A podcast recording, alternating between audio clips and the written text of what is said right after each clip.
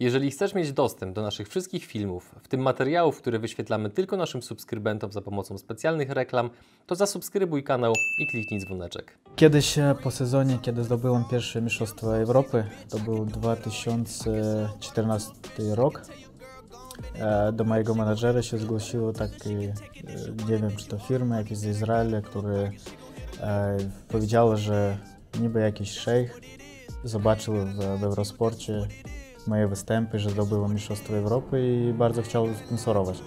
No to menadżer długo nie myślał, no to myślał, że to jest jakiś żart czy coś, jakieś jaja, nie wiem, robią ludzie. No to wysłał e, maile, że potrzebujemy, no 2 miliony dolarów potrzebujemy. No napisali, że okej. Okay.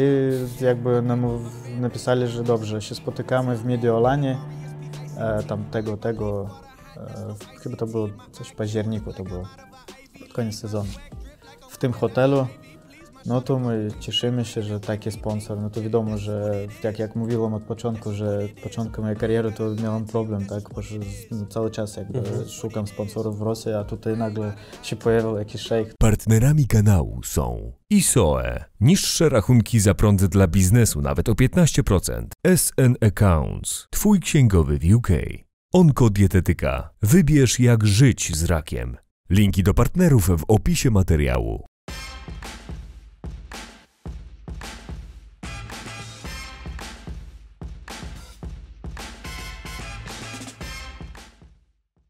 Dzień dobry drodzy widzowie, witamy Was w kolejnym odcinku Przygód Przedsiębiorców, gdzie tym razem naszym gościem jest Emil Sejfedinow, witam. Co robisz na co dzień? Dla tych, którzy Cię nie znają? E, no cały czas żyję żużlem. Żużlem? Tak, no bo to jest moja praca, gdzie muszę się przygotować do, do sezonu i być gotowym w sezonie, żeby robić dobre wyniki i oczywiście, żeby e, osiągnąć swoje sukcesy, które na których pracuję cały czas. Aha. No i właśnie, drodzy widzowie, dzisiaj będziemy rozmawiali między innymi o żużlu, ale również o biznesie. Niemniej, zanim przejdziemy do głównej części wywiadu, to zachęcamy Was do zostawiania subskrypcji z tego powodu, że celujemy w tym roku w 100 tysięcy subskrybentów na naszym kanale, co jest przede wszystkim w Waszym interesie, z tego powodu, że im tych subskrypcji jest więcej, tym nam coraz łatwiej zapraszać jest coraz ciekawszych gości. Nie przedłużając, zaczynamy. Na początek rozgrzewka. Emil, czy jesteś gotowy? Jestem. Panie reżyserze, jesteśmy gotowi. 3, 2, 1, start. Jakim autem jeździsz? Mercedes. Czy myślisz, że świat jest lepszy teraz, czy 50 lat temu? Teraz. Jaka jedna rzecz ma duży i pozytywny wpływ na Twoje zdrowie? Mm, dobre odżywienie, odżywienie jedzenie. Co sprawia, że nie możesz spać w nocy? Zmęczenie. Na co tracisz czas, ale nie zamierzasz tego zmienić, bo sprawia Ci przyjemność? Nie wiem. Jaka książka wpłynęła na Ciebie najbardziej? Nie czytam. Co się zmieniło w Tobie, odkąd zacząłeś działać biznesowo? E, bardziej zacząłem e, zwracać uwagę na, na wszystkie te rzeczy biznesowe. Kiedy do kogoś dzwonisz i ten ktoś widzi Twoje imię i nazwisko na ekranie telefonu, jakie myśli i uczucia chcesz wywołać w tej osobie? E, miły staram się.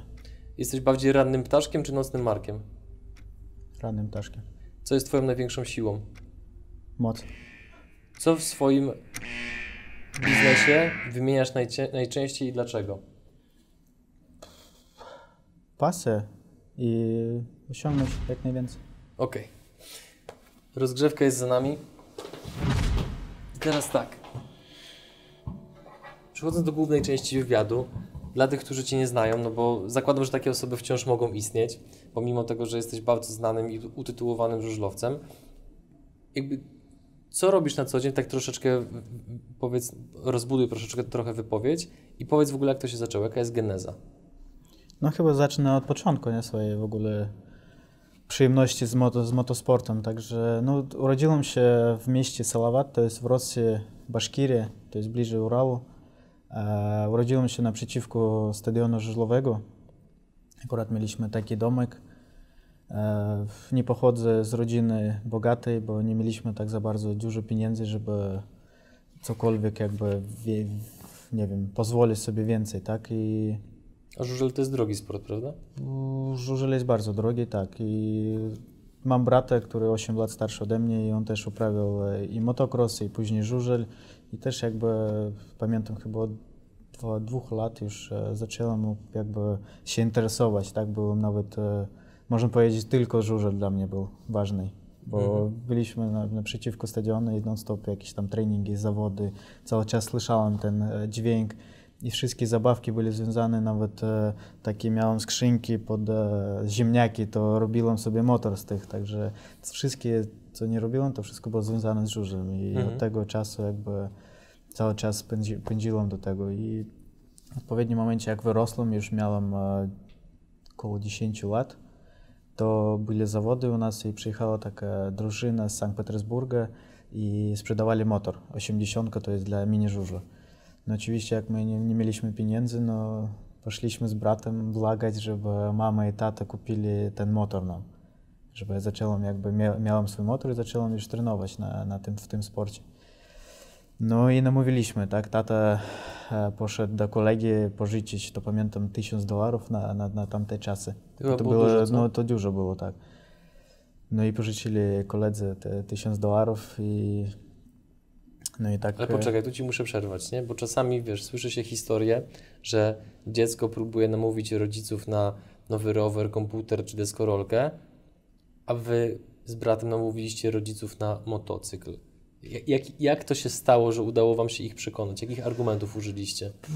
Argumentów tam nie, nie, nie, nie trzeba nawet było ten używać, bo tata był też e, się zajmował kiedyś, na, jeździł na lodzie żużlowym, jak nie na żużlowym, tylko na lodzie, na Ice Speedway się nazywa. I kiedyś jeździł na krosie, także on widział, że ja mam taką pasję, że ja bardzo chcę w tym sporcie no, coś osiągnąć i, i chyba nie trzeba było. A mama to w ogóle powiedziała, a dobra, to już nie będę tam kupowała sobie na przykład jakąś kurtkę, bo wtedy ten, kupcie, bo ona zawsze marzyła taką na zimę, bo na zimy są w Rosji bardzo zimne i, i no, powiedziała, że dobra, to pożyczcie pieniędzy i kupcie ten motor. Mhm. No i właśnie jak kupiliśmy motor, to ja codziennie, codziennie jak wstawałem rano, to odpalałem go na stojaku, stałem i odpalałem.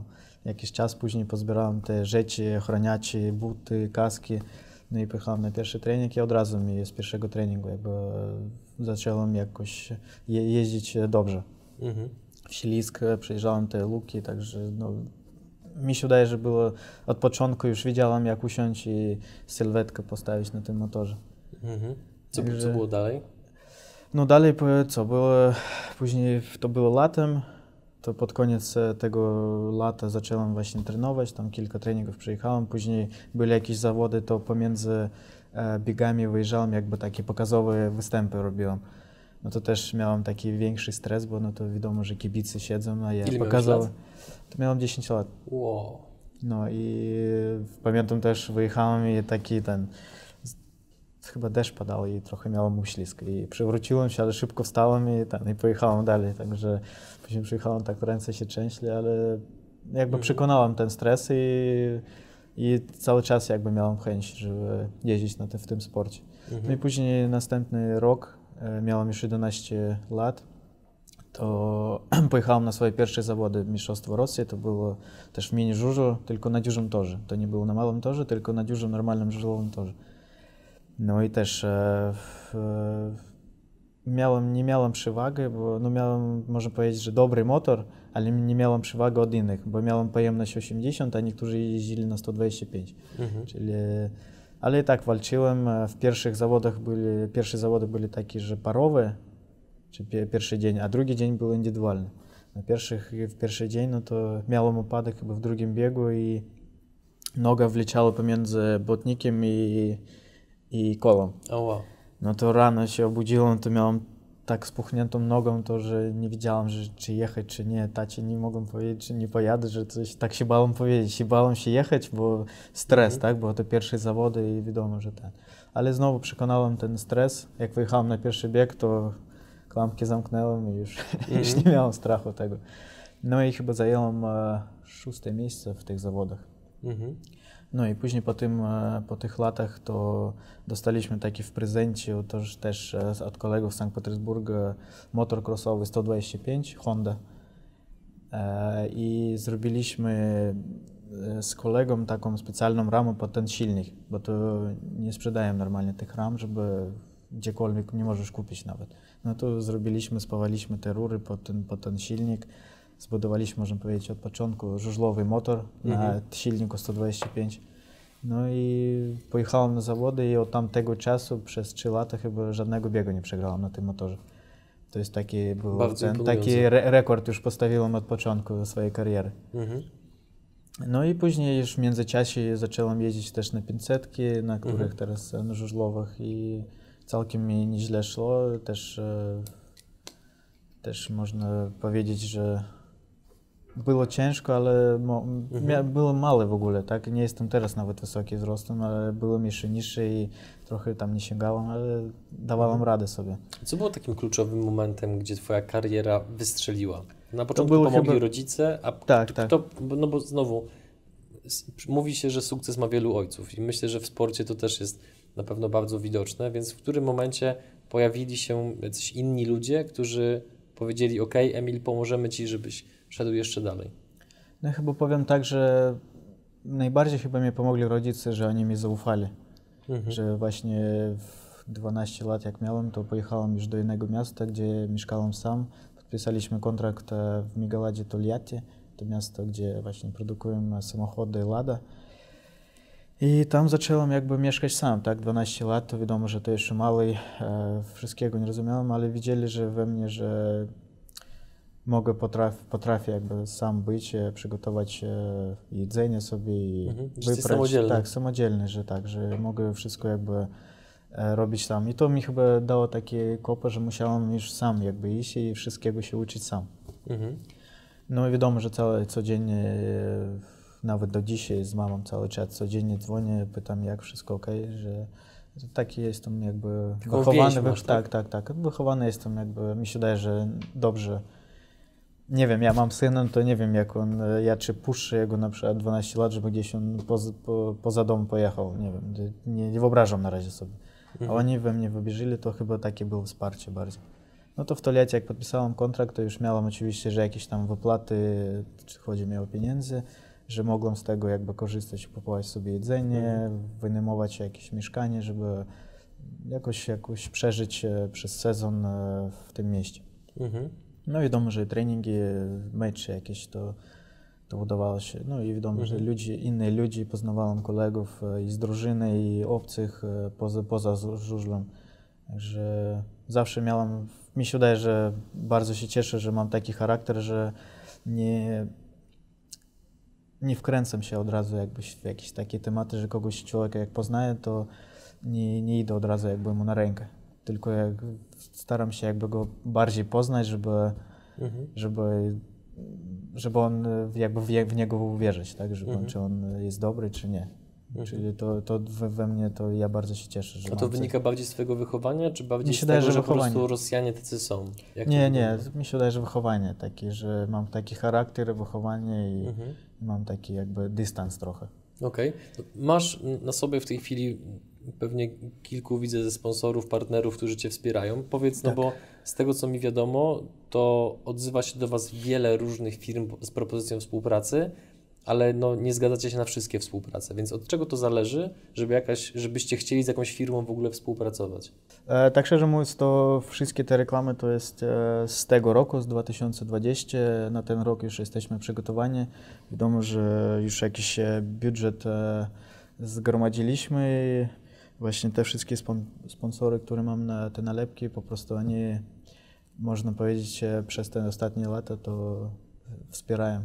Mhm. I wiadomo, że to było dużo tych sponsorów, e, które naprawdę mi dali możliwość rozwinięcia w, w tym sporcie w Polsce, żeby ja Mhm. wszedłem na ten poziom, na którym jestem teraz. I naprawdę tych firm było bardzo dużo, ja pamiętam ich i bardzo chciałem podziękować im wszystkim, że od początku mojej kariery, kiedy ja przyjechałem 2006 roku, zauważyli mnie i uwierzyli we mnie, żeby dać mi możliwość taką, żeby po prostu moja kariera, kariera poszła i do góry i widzieli we mnie potencjał ten, który mogę Mhm. osiągnąć. Także cały czas mam cel jeszcze nie osiągniętą. Najważniejszą Mhm. to zostać mistrzem świata indywidualnym w Grand Prix, ale Aha. cały czas pracujemy nad tym i, i właśnie dzięki tym e, ludziom, które mam właśnie na, naszyte, e, Mhm. to wsparcie nam jakby nas mobilizuje i Mhm. cały czas walczymy o ten cel. Od, to ponowię pytanie, od czego to zależy, że z daną firmą chcecie współpracować, a z inną nie? Co ma wpływ na to? E, To nie, mi się wydaje, że ja mam taką trochę ciężką sytuację, bo jestem z Rosji. W Rosji nie jest taki popularny ten żużel, nie mamy takiego wsparcia finansowego, tak? I nie mam tyle sponsorów, na przykład jak e, e, zagraniczni zawodnicy, tak? Że na przykład e, jako Polak to może mieć trochę więcej sponsorów, bo on jest e, ze swojej ojczyzny, tak? No to będzie bardziej zauważany. A ja mam trochę jakby z Rosji, no to nikt tak za bardzo nie, nie każdy lubi, tak? Mnie na przykład, jako Mhm. Rosjanin. I nie Przecież każdy będzie przecież chciał. jesteś zajebistym gościem, dlaczego cię nie lubią? No, może jestem, tak, ale staram się jakby być takim prawdziwym, tak? Ja nie, nie chcę, żeby pokazywać, że jestem dobry czy zły, tak? Ja po prostu jestem jaki jestem, tak? Staram się być Nikogo nie szczery. udajesz. Tak, tak, nie udaję. Po prostu jestem taki wychowany, tak? Że właśnie przypomnę, że przez rodziców, którzy naprawdę dali mi takiego kopa w życie, że, że nauczyli mnie tego Mhm. pokoru, tak? Do innych ludzi. I wiadomo, że jestem i zły, czasami jestem zdenerwowany, ale to jest Mhm. normalna rzecz, tak? Bo bez tego ży- życiu by nie udało się, mi się wydaje. Mhm. Bo to wszystkiego się uczysz od tego stresu, od nerwów. A czy teraz jesteście jakby wciąż otwarci na nowe firmy do współpracy, Jestem, czy na tak. razie jesteście zamknięci, bo rozpoczął się Nie, sezon? jesteśmy cały wygląda? czas otwarci, tak? Bo cały Okej. czas jakby ten budżet, e, e, można powiedzieć, nie z, pokrywa nasz jakby cały Mhm. budżet, co my wydajemy, bo od początku swojej kariery to dużo inwestowałem w swój sport i cały czas inwestujemy, bo bez tego się nie da. Mhm. Musimy mieć lepszy sprzęt, lepsze części. Tak. cały czas coś testować, jakieś nowych e, rzeczy, które naprawdę w żużlu jest, e, się zmienia co roku i, i nie chcesz być e, z tyłu od innych zawodników, to musisz po prostu e, Mhm. kupować te, te nowe rzeczy. Musisz kupować nowe silniki, które kosztują bardzo drogo. Mhm. No, niektórzy, niektóre silniki kupujesz i musisz ich przerobić, bo to jest dodatkowe pieniądze za przeróbkę. Mhm. A możesz, a musisz, a czasami są takie sytuacje, że przerabiasz ich kilka razy. Mhm. Że cały czas ten budżet, e, cały czas w Rosji szukam sponsorów, żeby zauważyli, trochę się rozwija, nawet nasze jakieś sukcesy przez ostatnie dwa lata, że zd- zdobyliśmy Mistrzostwo Świata w parach.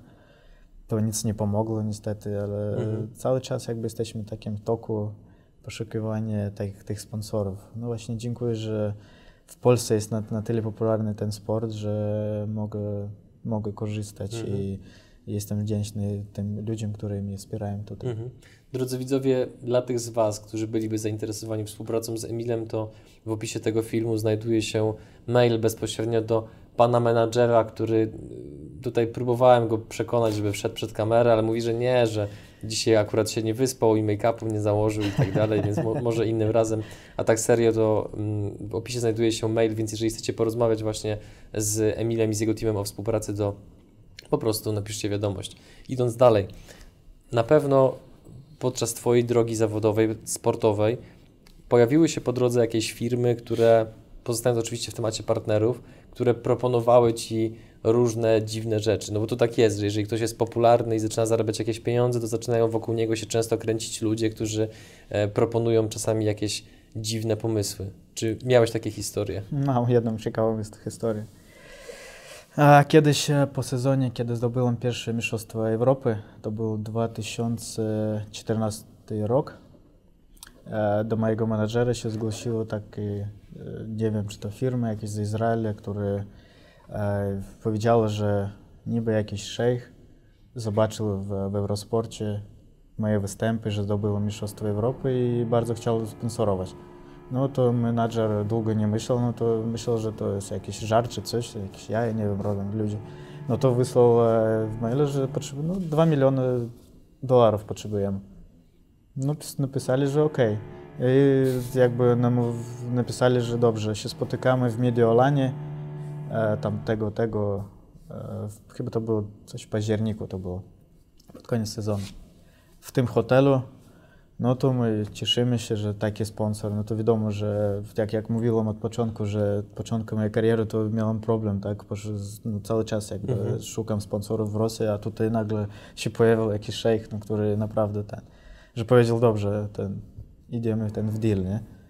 A, no idziemy do tego Milanu, przyjeżdża jakiś e, gość z tej firmy zaczyna opowiadać, że o tym szejchu, że są te helikoptery, śmiglowce, że możecie tam latać tutaj, tam. Ale musicie jedną rzecz zrobić, że od tych dwóch milionów musicie dać 100 tysięcy euro w gotówce, jakby prowizję, tak się nazywa? Mhm. No jakby prowizję. Tak. No dobra, to takie kwoty, no to damy, tak? Bo to się, i tak jest dużo, można powiedzieć, dla, jako, jako sponsor. Mhm. No wiadomo, że tam historia, że następne lata może mogą być większe pieniądze. No to ja mówię, że fajnie, super. No to wracamy do Polski, przygotowaliśmy, nawet niektórzy pieniądze to pożyczyliśmy, żeby zgromadzić tam 100 tysięcy euro w gotówce, tak? Bo to było w różnych też nominałach, bo tam oni tak poprosili. No i tak później zaczęliśmy tak e, właśnie z Tomkiem tak myśleć, po co tak, jak. I tak zaczęliśmy po prostu myśleć, że nas nie, nie wykręcą z tymi pieniędzmi. No i my prosimy, żeby oni po prostu wysłali pieniędzy nam na konto i wtedy, czy tam kontrakt, żeby po prostu dali działać, tak? I wtedy tą prowizję my damy, tak? Jak będziemy widzieć to na Mhm. koncie No jasne. No i tak się stało, że oni po prostu później już zauważyli, że my zrozumieliśmy o co chodzi i oni zniknęli, można powiedzieć, że nawet telefony powyłączali to wszystko. Czyli okazało się, że to jest po prostu jakiś przekręt. Tak, tak, to jest przekręt po prostu. Już e, byli kilka sytuacji takich, że w, w różnych sportach, że takie przekręty już byli, ktoś już nawet te pieniądze Mhm. stracił, to to były nawet większe pieniądze. I, Okej. Także uważajcie, uważajcie na takich ludzi, że naprawdę musi być e, Mhm. Tutaj- człowiek prawdziwy szejk, żeby z szejchem się spotkać lepiej. A tu chyba się przydaje ta cecha twojego charakteru, o której mówiłeś, że zawsze dajesz sobie trochę czasu, żeby kogoś poznać, zaufać i tak dalej, co? No tak, ale w tych sytuacjach, jak masz e, takiego sponsora, to było ciężko jakby uwierzyć w to, że ktoś chce cię wykręcić na te pieniądze. Mhm. Nie chciało się wierzyć nawet w to. Bardzo chciało się wierzyć, że to jest prawda. To jest prawda, tak. No bo to naprawdę my już mieliśmy plan, że kupi się taki motorhome, żeby jeździć na zawody Mhm. w takim busem. No, naprawdę dużo planów było, żeby zainwestować w ten sport, żeby być takim, być e, teamem bardzo Mhm. widocznym, żeby pokazać jaki przykład taki, żeby tak musi ten sport wyglądać, tak jak MotoGP czy tam Formuła 1. Chociaż Mhm. nasz, nasz sport stać na to. Tylko Okej. potrzebujemy tych właśnie firm, żeby po prostu bardziej jakby podnieść ten e, Mhm. poziom tego sportu. Mhm. Powiedz, Takich większych, większych No. tych szejków potrzebujemy. Musimy do Dubaju polecieć. tego Wam na pewno życzymy.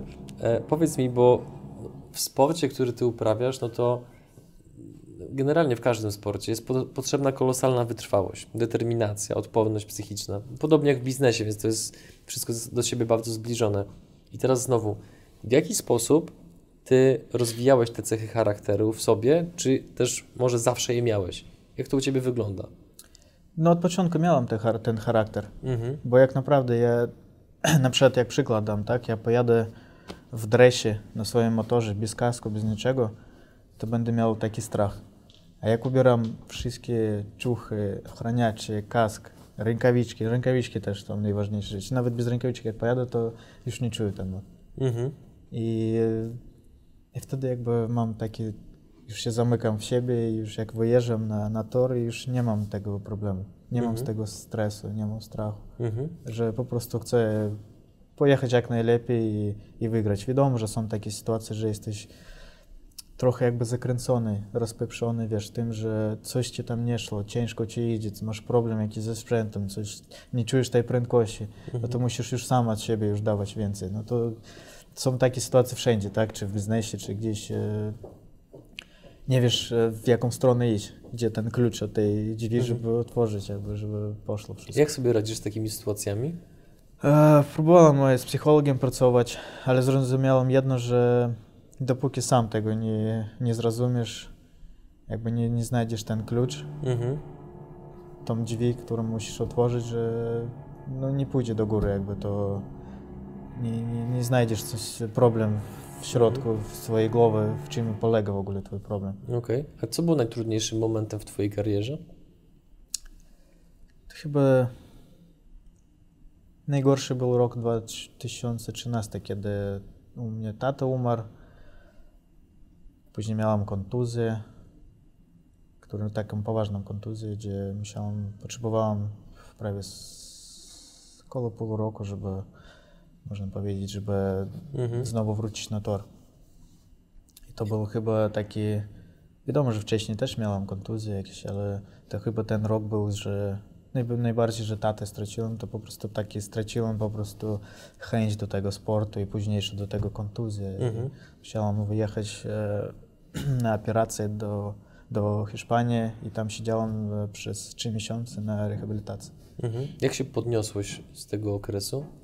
Zrezygnowałem z Grand Prix, z Mistrzostw Świata, pojechałem Mistrzostwo Europy. Okej. I miałem tych ludzi, takich najważniejszych, bliskich, czyli mój team, rodzinę, kolegów, e, w tym momencie, kiedy zrezygnowałem, to wtedy naprawdę w 2013 roku przez jakiś tam czas prowadziłem Mistrzostwo Świata, czyli mogłem, miałem szansę, żeby zostać mistrzem świata. No niestety te kontuzje, to Mhm. e, co mówiłem z tatą, to mnie po prostu zniszczyły i nie, mogłem coś więcej. No to po prostu decyzję podjęliśmy taką, że żeby zrezygnować e, z Grand Prix i po, Mhm. jakby krok do tyłu zrobić. Mhm.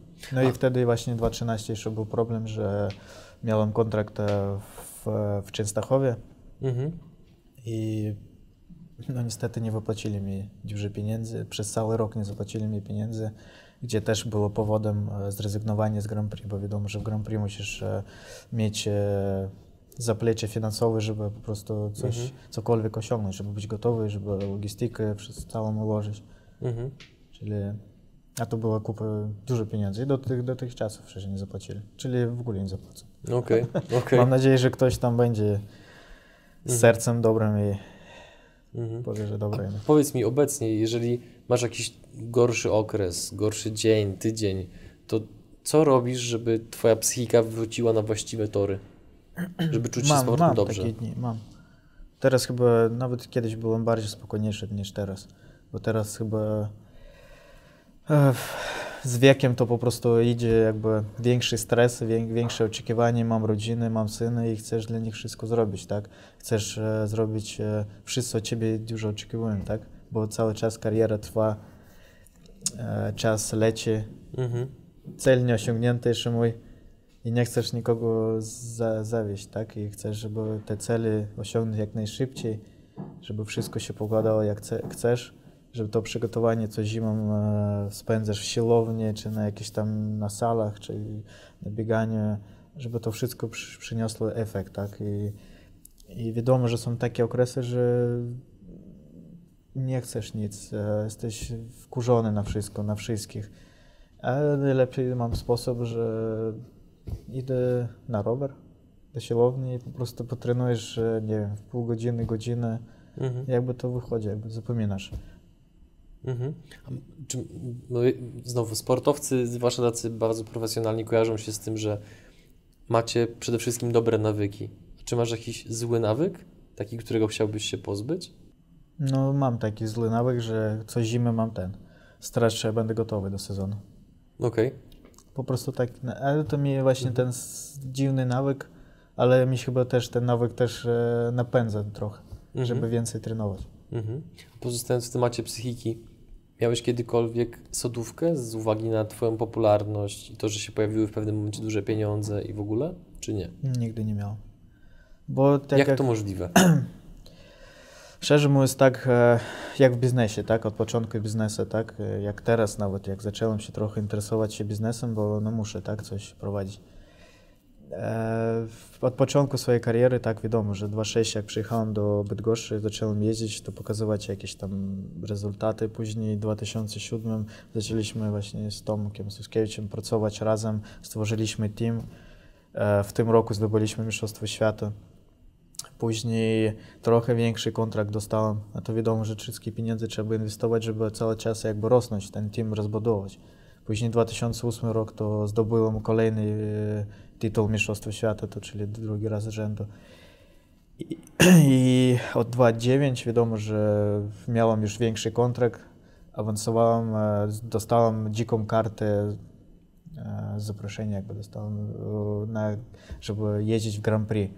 No to już miałem w Polsce większy kontrakt, ale cały czas nie miałem dla siebie pieniędzy, tylko cały czas próbowaliśmy ten właśnie team jeszcze bardziej rozbudować.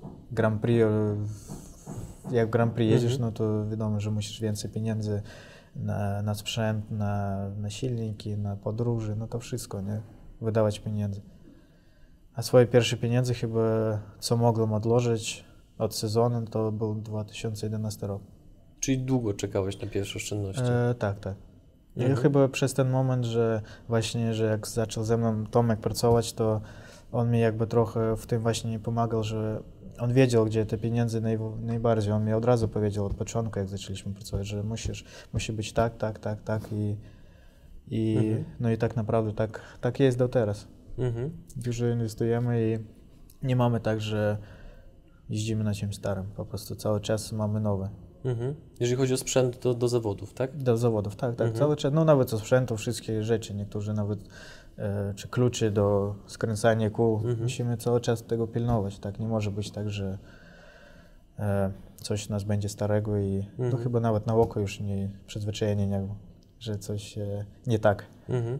Ale właśnie Tomek to wszystkiego pilnuje i, i on e, naprawdę wszystkie te tematy, żeby ja jakby nie myślałem o tych rzeczach, to ja tylko myślę o swoim przygotowaniu do sezonu, a on myśli właśnie o tych e, rzeczach, które właśnie o teamie, o częściach, o, no, o wszystkich rzeczach. Mhm. Można powiedzieć moja druga głowa. To, to jest pewnie takie dość proste pytanie, ale takie zadam. Jak bardzo ważny jest dobry menadżer w sporcie? Menadżer zawodnika. Bardzo jest ważne, bo wszystkiego sam nie ogarniasz, jakby właśnie o czym mówiłem, że to cały team trzeba prowadzić. A żeby zawodnik miał spokój, spokojną głowę, no to Mhm. musi zawodnik myśleć o swoich przygotowaniach. Tak jak na przykład e, w Formule 1 czy MotoGP. Każdy zawodnik przyjeżdża z walizką i nie myśli o tym, czy jest motor gotowy, czy nie. Tak samo w żużlu jest. Jakby stwarzamy team, jak mówiłem, że może być lepszy jeszcze team, tak? Większy, Mhm. większy poziom, ale niestety musimy korzystać co mamy i Mhm. zrobić jak najlepiej z, tych, e, z tego budżetu, co mamy i po prostu podnieść ten jak naj, największy e, ten poziom. Mhm. I tak jak, jak tak zapytałeś, że czym jest ważny, no to właśnie tym jest ważne, że on pilnuje wszystkich twoich spraw. Czy sponsorów, e, faktury, nie faktury, nie wiem, przelewy, te wszystkie części na motor, żeby poskładać, bo u nas motor się też nie kupuje, jakby Mhm. cały motor musisz złożyć w, w częściach. Często się kłócicie? E, są takie momenty, że się kłócimy. A o No, co? po prostu, a to chyba od stresu, od nerwów, od zmęczenia. Mhm. Przez to, że na przykład zawody jakieś nie udało się, to mm, siedzimy, myślimy, każdy analizuje to, ale czasami po prostu no, masz naprawdę zmęczenie i, i stres, że nie chcesz po prostu. Mhm. A jako sportowiec i człowiek, to uważasz, że jesteś człowiekiem łatwym we współpracy, czy trudnym? się daje, że łatwym jestem. Nie, nie, ja jakby staram się jakby w naszym teamie, nawet jak, jak mówimy o teamie, no to staram się jakby nie wszystkim dogodzić, ale staram się, żeby było wszystko dobrze. Ale Mhm. teraz jakby mamy taki team, że naprawdę są nawet kłótnie, ale wychodzimy z tego szybko Mhm. Mhm. i wiemy w czym polega problem, także i oby tak, tak się trzymać. A w jaki sposób rozwiązujecie konflikty? Po prostu rozmową, E, czy robimy jakiś swój spotkanie. sposób? Spotkanie robimy, każdy mówi swoje rzeczy, które komuś się nie podoba, co myśli, co Mhm. zmienić, co jak i, i w tym momencie po prostu problem sam znika. Mhm. A później jedziesz na zawody i, i robisz dobry wynik i już, Jest już, okej. tam, już tam nic nie było. Mhm. To teraz, no z racji tego, że to jest jednak kanał biznesowy, to porozmawiamy troszeczkę o biznesie. Znowu nawiążę do, troszeczkę do Twojego wieku i tego, co robisz. Wielu młodych sportowców, którzy gwałtownie zyskują popularność, pieniądze i tak dalej, no wielokrotnie się słyszy historię, że tacy sportowcy się zatracają w tym. Ty z tego, co mi wiadomo, masz sprawy finansowe całkiem dobrze poukładane i tą przyszłość masz zabezpieczoną kiedy to zaczęliście robić i jakby w jaki sposób do tego podchodzicie i, jakby no w ogóle dla, dlaczego to robisz, no bo to pomimo, że to jest turbo oczywiste, tak, no żeby właśnie zabezpieczyć przyszłość, ale jednak to nie jest oczywiste dla wszystkich, więc kiedy na, nastąpił taki moment, w którym stwierdziłeś, że okej, muszę zabezpieczyć swoją przyszłość, no bo kariera nie będzie trwała wiecznie. Cały czas jakby jestem w trakcie tego, tak, e, żeby już mam zabezpieczone i chyba już, może nie, nie od początku, ale jak zacząłem odkładać pieniądze, to wtedy już zrozumiałem, że muszę coś, e, cokolwiek robić, tak, i wtedy zacząłem jakby najpierw e, robić e, swoim życie, tak? Najpierw kupiłem w Rosji mieszkanie, żeby mogłem mieć swoje mieszkanie. Później drugi, później zmieniłem, jakby nie drugi, to zmieniłem i później od tego się zacząłem, bo myślałem, że jak odkładasz pieniądze, tak, no to wiadomo, że przez e, pół roku ja zarabiam, tak? Jak zarabiam jeszcze, bo ja muszę jeszcze punkty wieść, jak nie przyłożę na przykład 0 punktów, no to wiadomo, że ja nic nie zarabiam. Jestem w minus nawet. Mhm. A przez kolejny te zimowy ten okres, e, kiedy nie jeżdżę, no to też nie zarabiam. Te pieniądze, co zarobiłem latem, to muszę z nich Mhm. korzystać. To wtedy zrozumiałem, po prostu trzeba gdzieś e, te pieniądze inwestować, a najlepsza inwestycja to było właśnie w jakieś nieruchomości, bo Mhm. do wynajęcia czy gdzieś. No i akurat e, jakieś... Dlaczego nieruchomości akurat? Nie na przykład złoto, akcje E, bo, bo ja nie, nie, nie lubię takie właśnie, nie wiem, jakoś mi serce na to nie, nie leży, że takie właśnie procent, procenty bankowe czy coś, no nie lubię coś takiego, bo ja lubię żywe pieniądze, jakby wkładasz w nieruchomość, bo masz właśnie te twoje pieniądze leżą tam i plus od tego jeszcze masz zarobek jakiś. Mhm. Czyli to jest to samo można powiedzieć, tylko jest Że to było takie namacalne. tak, tak, tak. No i właśnie kiedyś jeździłem, no, w, teraz jeżdżę też, w, w Rosji miałem drużynę Balakowa i poznałem takiego dobre, dobrego człowieka, który cały czas mam teraz, on może powiedzieć jak tata mój jest. I on cały czas jakby e, w tym biznesie jakby siedzi i on mi w tym pom- pomógł, że otworzyliśmy z nim e, firmę i do dnia dzisiejszego mamy takie właśnie nieruchomości, które od, mi się wydaje, że teraz na początku mojej jego celi jakby skończyłem, to przeżyję na te pieniądze, ale cały czas jakby pracuję, żeby zabezpieczyć siebie, żeby po prostu wyjść na, na ten poziom, żeby był po prostu Mhm. mogłem skończyć karierę i mogłem podróżować, iść do sklepu, coś kupić fajnego, do restauracji, zjeść, żeby nie patrzeć na rachunek, tylko fajnie zapłacić i Mhm. czyli coś takiego, żeby po prostu Normalnie żyć. żeby normalnie życie było, tak, żeby Mhm. to, co teraz pracuję, żeby po prostu przełożyło się na, na to, co Mhm. Na odpoczynek ten po, po karierze. Jak A wiadomo, że tam no, musisz pracować nieruchomości, no to nie jest tak, że kupiłeś i siedzisz w domu ten. To Mhm. musisz pilnować, to wszystko robić, tak? No to dlatego ja tak zacząłem trochę się interesować tak właśnie e, biznesami, żeby właśnie jakie są wyjście, wejście, jak trzeba inwestować, gdzie trzeba inwestować. Wiadomo, że patrzymy cały czas e, jakieś różne rozwiązania, gdzie, gdzie pieniądze można włożyć, żeby po prostu nie zaryzykować, a nie stracić, tak? Mhm. Tego mam takie pieniądze, że gdzieś odłożone, to leżą i czekam na przykład, że na, na dobry, na dobry jakiś e, strzał. Mhm. Okej. A to jak już zacząłeś się interesować biznesem, to co Cię najbardziej zaskoczyło w nim?